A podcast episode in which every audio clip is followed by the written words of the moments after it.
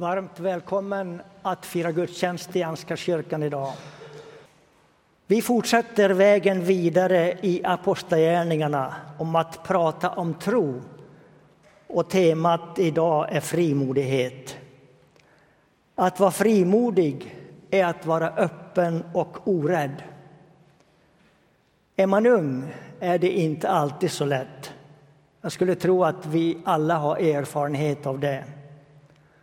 Och i vissa situationer kan vi fortfarande känna osäkerhet.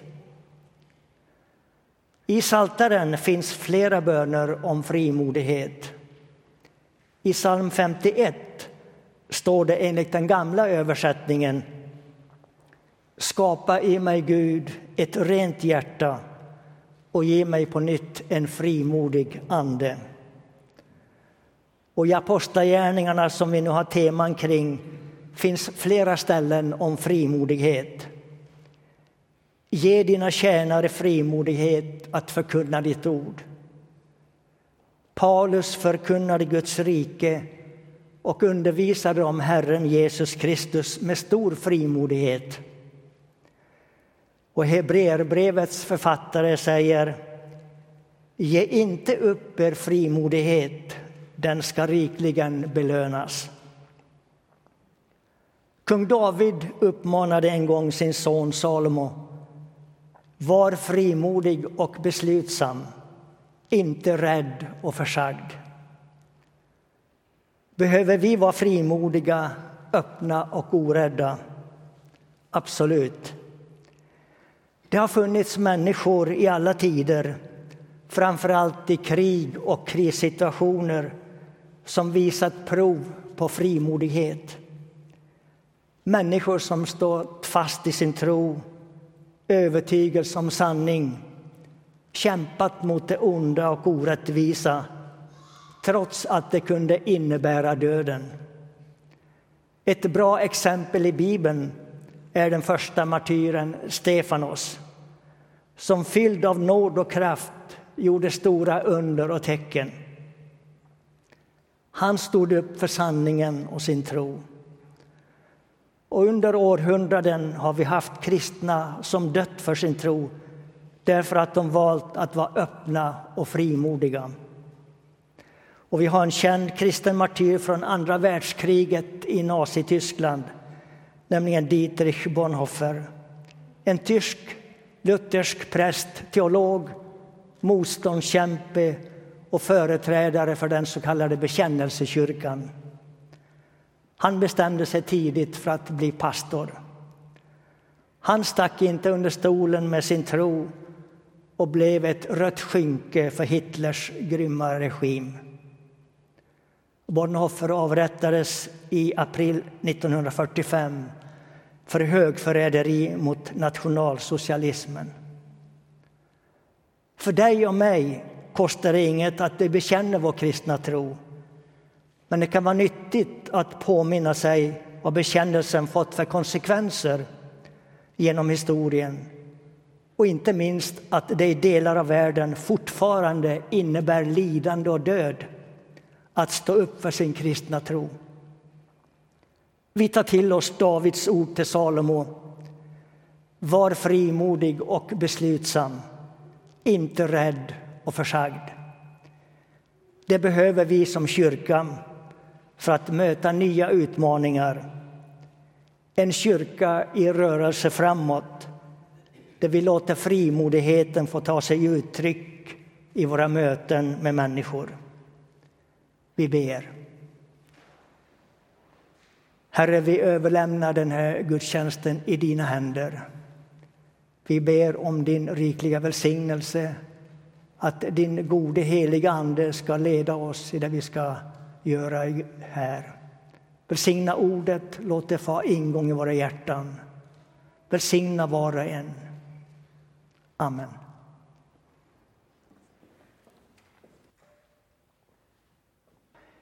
Vi läser från Apostlagärningarnas tredje kapitel, verserna 1 till och med 10.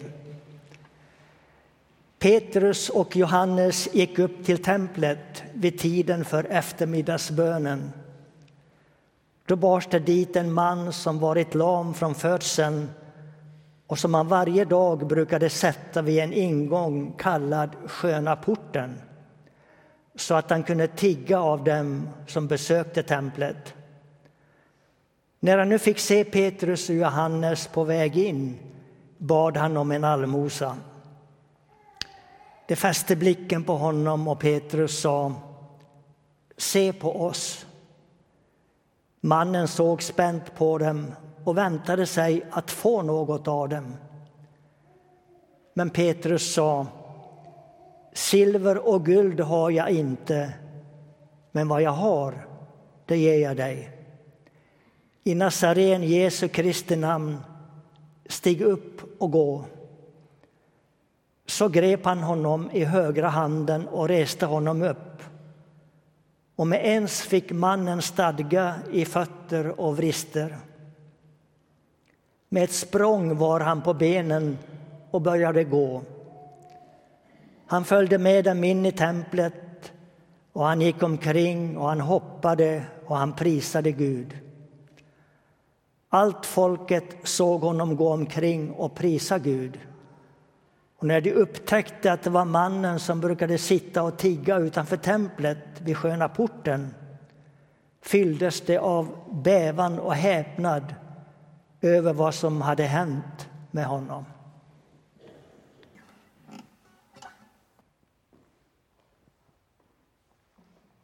Jag läser ifrån Apostlagärningarna kapitel 4, vers 4-22. Men många som hade hört ordet kom till tro och tillsammans var de nu omkring 5 000 män. Nästa dag samlades de högsta styrelsemännen samt de äldste och de skriftlärda i Jerusalem. Översteprästen Hannas var där, liksom Kajafas, Jonatas och Alexandros och alla av översteprästerlig släkt. De lät föra fram apostlarna och frågade dem genom vilken kraft eller i vems namn har ni gjort detta? Då fylldes Petrus av helig ande och svarade dem Ni äldste och folkets ledare, när ni idag ställer oss till svars för en välgärning mot en sjuk och vill höra hur han har blivit botad, då ska ni veta ni alla och hela Israels folk, att det skedde genom Nazaren, Jesu Kristi namn. Tack vare honom som ni korsfäste och som Gud har uppväckt från de döda står den här mannen frisk framför er. Jesus är stenen som föraktades av er husbyggare men blev till en hörnsten. Hos ingen annan finns frälsningen och ingenstans bland människor under himlen finns något annat namn som kan rädda oss. När de såg hur frimodiga Petrus och Johannes var och märkte att båda var enkla och olärda män förvånade de sig. De kände igen dem som följeslagare till Jesus. Och när de såg mannen som hade blivit botad stå där tillsammans med dem blev de svarslösa. De befallde dem att vänta utanför rådet och överlade sedan med varandra. Vad ska vi göra med de här människorna? Att ett märkligt tecken hade skett genom dem är uppenbart för hela Jerusalem och vi kan inte förneka det.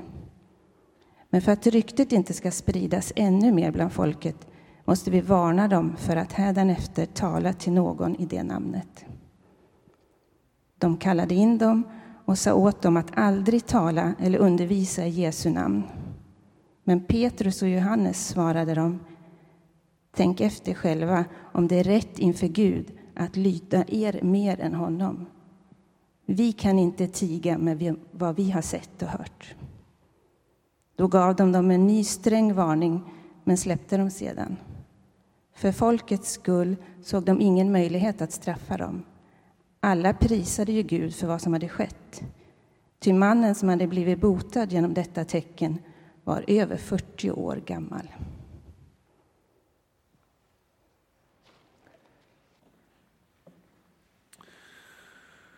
Fortsätter att läsa den sista delen som vi har i, till dagens gudstjänst. Vi har det ju i i gudstjänstbladet också.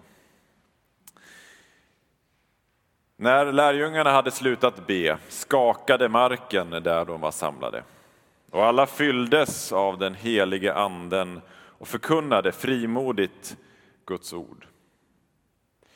Alla de många som kommit till tro var ett hjärta och en själ och ingen betraktade något av det han ägde som sitt.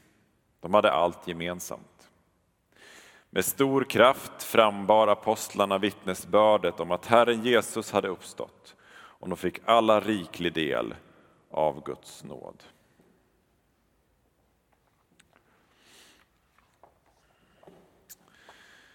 Kjell Magne Bondevik var tidigare statsminister i Norge. 1998 då han var statsminister och ledare för Kristelig Folkeparti så åkte han ut till sin sommarstuga för att vila upp sig då han varit eh, nedstämd en tid och haft svårt att sova. I sommarstugan träffade han väggen, som han själv uttrycker det i olika intervjuer. Och han kunde inte komma upp ur sängen. Det gick ut ett pressmeddelande att statsministern hade fått en depressiv reaktion. Och Bondevik kan berättar i efterhand att många läkare, psykiatriker har sagt honom att hans öppenhet med sin sjukdom, den gjorde mer för den psykiatriska vården än vad många hundra miljoner kronor hade gjort. Idag handlar det om frimodighet och det där exemplet kanske kommer lite oväntat. Men vad är frimodighet egentligen? Det ord som översätts med frimodighet i dagens text och i Bibeln i övrigt, det handlar om en öppenhet. Om att våga stå för det som man tror på och den man är. Och idag kopplar vi det alltså till hur vi pratar om tro. Det är ju den delen av eh, vägen vidare, höstens gudstjänstserie vi är, att prata om tro. Och idag specifikt kring då frimodighet när vi pratar om tro.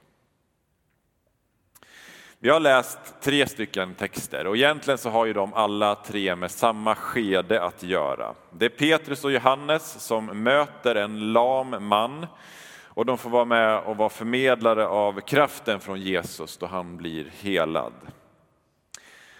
Sen läste vi inte, men det kommer ett ganska långt tal av Petrus. Eh, och Petrus och Johannes de blir satta i fängelse. Men sen läste vi om hur de förhördes inför rådet. Och de svarar, de här männen som styrde över mycket. De svarar med stor frimodighet. Och efter den händelsen så uppsöker de de andra troende för att be tillsammans. Och jag läste nyss slutet av den händelsen då marken börjar skaka och de börjar förkunna frimodigt. Tala är silver och tiga är guld. Det ligger ju något i det ordspråket och ofta så är det ju sant. Men tänk vilken skillnad det ändå gjorde att Kjell Magne Bondevik talade om sin utmattning. Och tänk om de här lärjungarna hade låtit bli att berätta om sin tro. Då hade vi inte haft någon kyrka idag. Evangelisation, det är ju närbesläktat med att tala om sin tro på ett frimodigt sätt.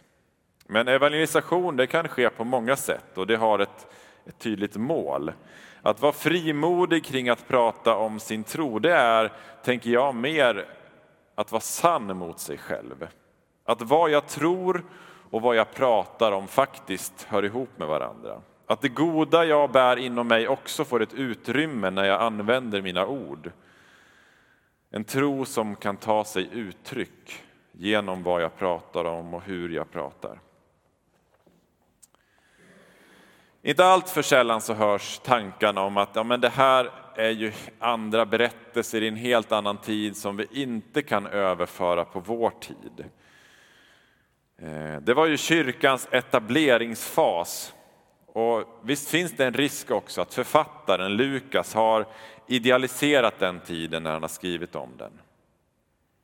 Ja visst, det var en annan tid och det går inte att överföra allt som står där till vår tid. Men kanske gör vi det lite för lätt för oss om vi inte utmanas av texten. De här människorna riskerade ju att bli satta i fängelse och torteras när de frimodigt berättade om sin tro. De riskerade till och med att bli dödade och den risken tar inte vi. Vi har åsiktsfrihet, vi lever i ett pluralistiskt samhälle.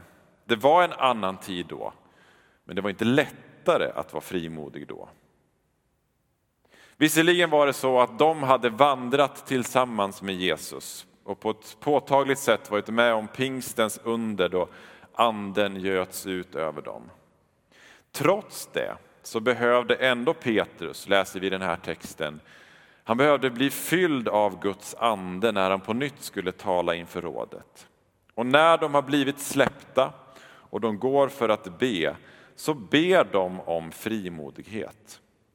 Frimodigheten var inte självklar för dem, men de strävade och de längtade och de bad för att få den här frimodigheten.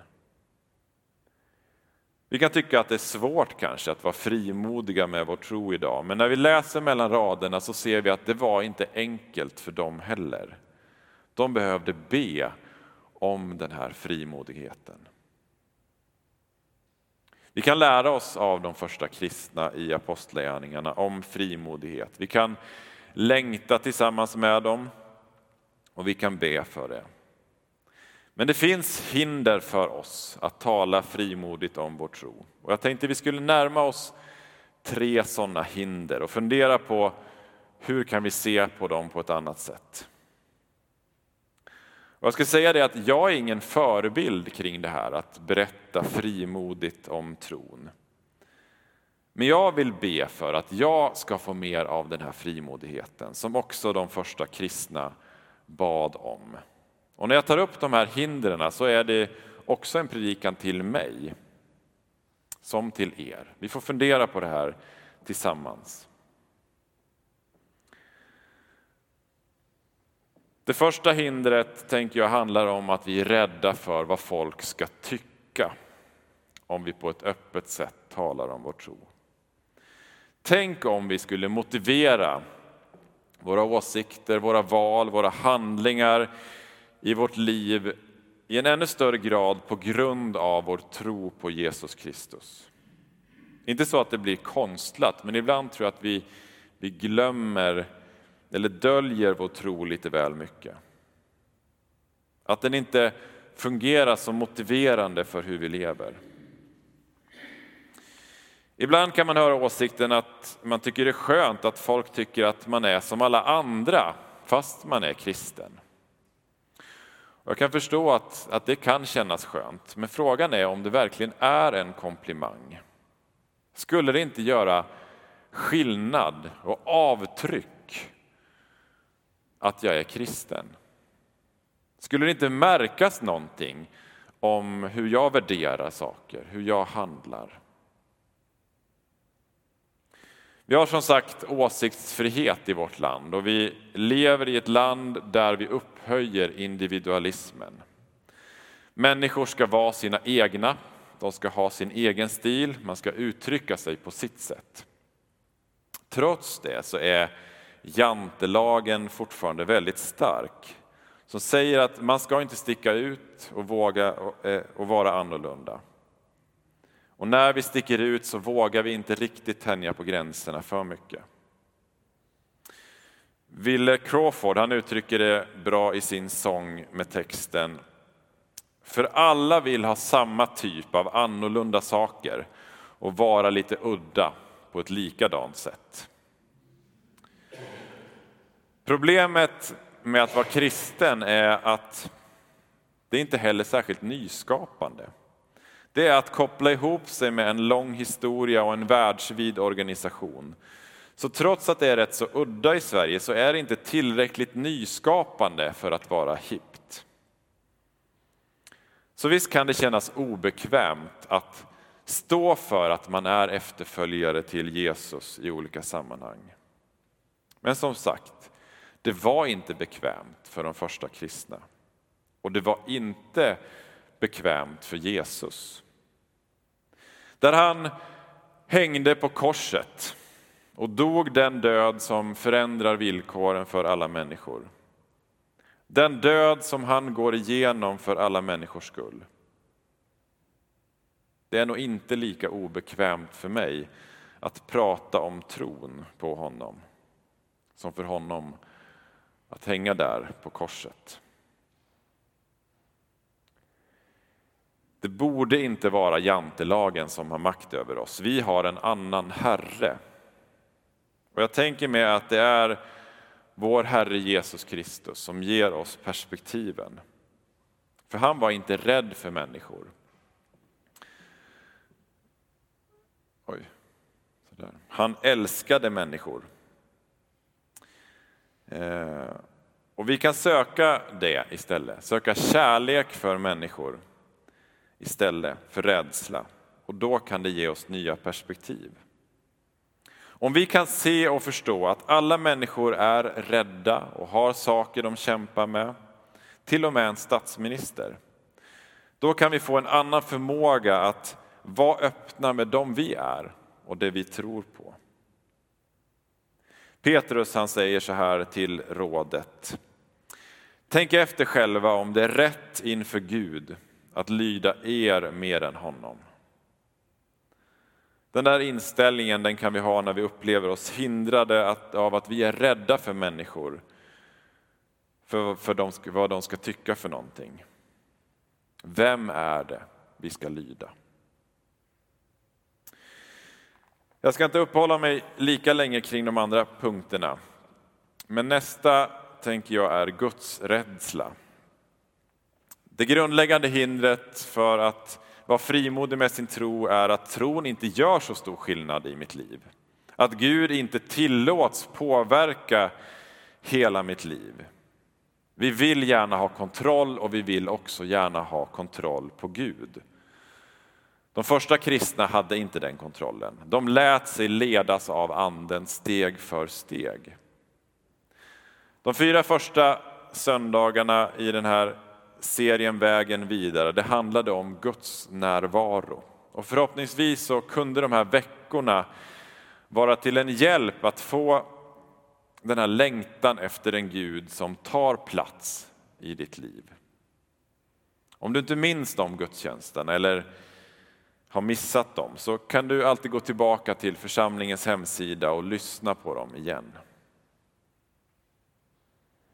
Och visst är det så att det inte går att vara frimodig utan Guds närvaro.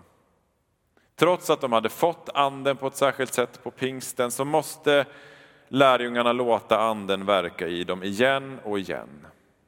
När Petrus ska tala då kommer anden och de ber om anden för att vara frimodiga. Tänk efter själva, om det är rätt inför Gud att lyda er mer än honom. Och målet vad gäller människofruktan är att istället för frukta människor lära sig att älska dem, så behöver vi göra samma sak vad gäller Gud. Tro med hela vårt väsen att Gud vill oss gott och lära oss älska honom. Det tredje hindret har helt med oss själva att göra. Andra kanske har hjälpt oss att känna så här inför oss. Förakt, självförakt. Det kanske är ett lite starkt ord. Men visst är det så att många av oss inte ser upp till oss själva så mycket. Du kanske tänker att du har inte så mycket att komma med när det handlar om att prata om tro. Kanske inte tycker att du har funderat tillräckligt, varit kristen tillräckligt länge eller har läst Bibeln tillräckligt mycket. Rådet de förundrades över Petrus och Johannes frimodighet trots att de var enkla och olärda män. Det finns massvis med människor som varit mer olärda än du, men som ändå frimodigt vågat stå för sin tro. Det handlar inte om att ha alla svaren. Vi, fick en, eh, vi hade en styrelsedag här i höstas då vi eh, pratade om att, att starta en ny församling och vi fick besök av en, en som jobbar mycket med församlingsgrundande arbetet. Och han, han lärde oss att den, vem den genomsnittlige församlingsgrundaren i världen är. Jag tyckte det var en, en fascinerande uppgift. Kan ni tänka er vem den genomsnittliga församlingsgrundaren i världen är?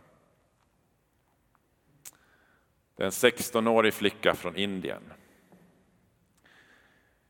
Jag kan inte tänka mig att de har den högsta utbildningen, eh, men de vågar ändå dela tron och sprida evangeliet. Det handlar om att våga stå för den man är och stå för vad man har mött. Kom ihåg att Gud har skapat dig och ser dig som värdefull och sänder dig in i en speciell miljö där du kan få vara frimodig. Och vändningen på den här punkten är att komma över hindret är att lära sig älska sig själv istället för att förakta. Människofruktan, Guds rädsla och självförakt och att lära sig se motsatsen, kärlek till de här tre. En del kanske ser kopplingen till ett annat bibelställe som upprepas flera gånger i Bibeln. Att älska Herren din Gud med hela din själ, med hela din kraft och med hela ditt förstånd och din nästa som dig själv. Det största budet. Att älska Gud, andra människor och sig själv. Det är vägen mot frimodighet. Kanske kan det kännas kravfyllt att frimodigt dela sin tro. Och om det är en prestation så är det det. Men det är någonting som kan växa inifrån genom en kärlek till Gud, kärlek till medmänniskor och till mig själv så blir det någonting naturligt. Och dessutom slutar dagens texter med orden och de fick alla riklig del av Guds nåd. Vi får också del av den nåden. Vi kommer att misslyckas i frimodighet, men för om och om igen ta emot av Guds nåd. Till sist en eh, berättelse, en eh, legend. Jesus han hade lämnat sina lärjungar där på berget och han, han fördes upp till himlen bland molnen. Där mötte han änglarna och de berömde honom för hans stora verk som han hade uträttat på jorden. Otroligt, vilken grej! Och så frågar de honom, men nu då? Vad ska hända nu på jorden? Nu när du har lämnat? För att, för att sprida budskapet om Guds rike och, och finnas där nu när han har lämnat. Då pekade Jesus ner mot den där samlingen enkla, tilltufsade och villrådiga männen som stapplade ner från berget. Det är de som gäller nu. Änglarna tittar på honom lite tveksamt. Och så sa en av dem, okej, okay, men eh, vilken är din B-plan om de inte lyckas? Jesus svarade, jag har ingen B-plan. Det är de som är min enda plan. Om inte de, om inte vi berättar budskapet vidare och vågar stå för tron, vem ska då göra det? Vi ber.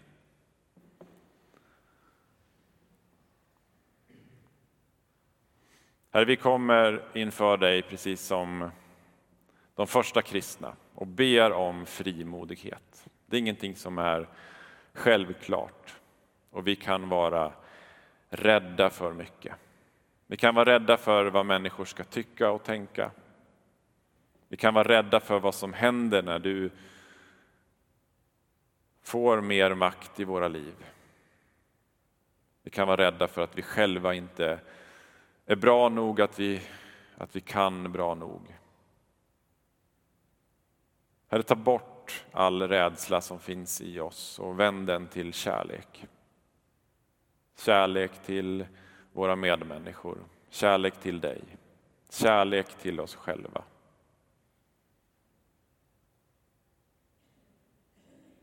Tack för allt det goda som du ger oss. Hjälp oss att ta vara på det och våga dela det vidare med andra. Amen.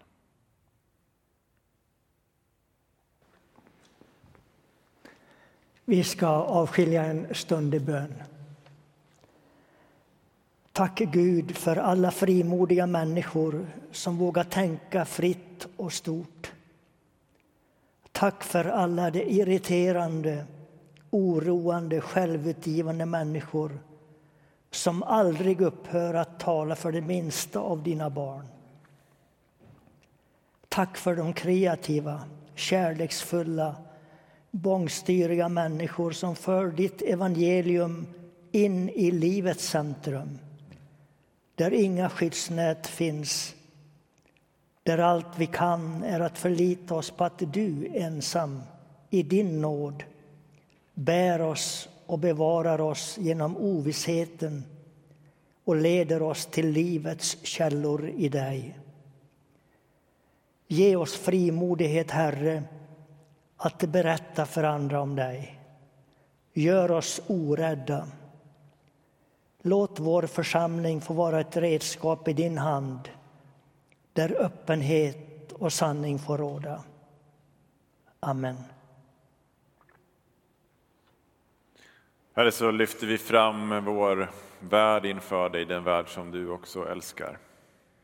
Vi ber för Afghanistan just nu. Du ser att det är val där och det är eh, mycket våld. Herre, vi ber att du leder människor dina vägar för att det ska bli ett stopp på, på våldet och för att det ska kunna hållas fria val där, Gud. Herre, vi ber för de spänningar som är just nu med tanke på Saudiarabien och det som har hänt med den här journalisten. Vi ber att det här inte ska leda till för stora oroligheter, Gud, utan att det ska finnas vägar att lösa det på ett diplomatiskt sätt, Gud. För att se vad vi annat tänker på runt om i vår värld som känns viktigt för oss eller som vi bekymrar oss kring.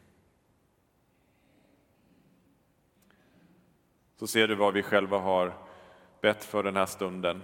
Vi ber att du ska höra våra böner, de ljus som är tända, de lappar som ligger i den här bönekorgen. Där det på en av dem står vi ber för vår framtida satsning i Centrumkyrkan, att vi frimodigt får berätta om Jesus för nya människor. Vi ber att den satsning vi gör där ska slå väl ut, att ditt evangelium ska planteras där på ett nytt sätt, Gud. Vi ber att du sänder rätt människor, eh, att vi är, är lyhörda, eh, att ge rätt människor en plats där, Gud. Eh, vi ber om frimodighet bland kanske människor som ännu inte har lärt känna dig. Och vi ber om frimodighet här i den verksamhet som sker i församlingen här. Vi ber om frimodighet i Barkarö och bland människor där. Herre, gå med oss du ut i vår vardag. Var nära oss när vi kämpar, när vi har ont, när vi är glada, när vi våndas. Kom och låt oss få känna din Andes närvaro. Amen. Bär också med dig Herrens välsignelse härifrån. Herren välsignar dig och beskyddar dig. Herren låter sitt ansikte lysa mot dig och visa dig nåd. Herren vänder sitt ansikte till dig och ger dig sin fred och frid. I Faderns, Sonens och den helige Andes namn. Amen.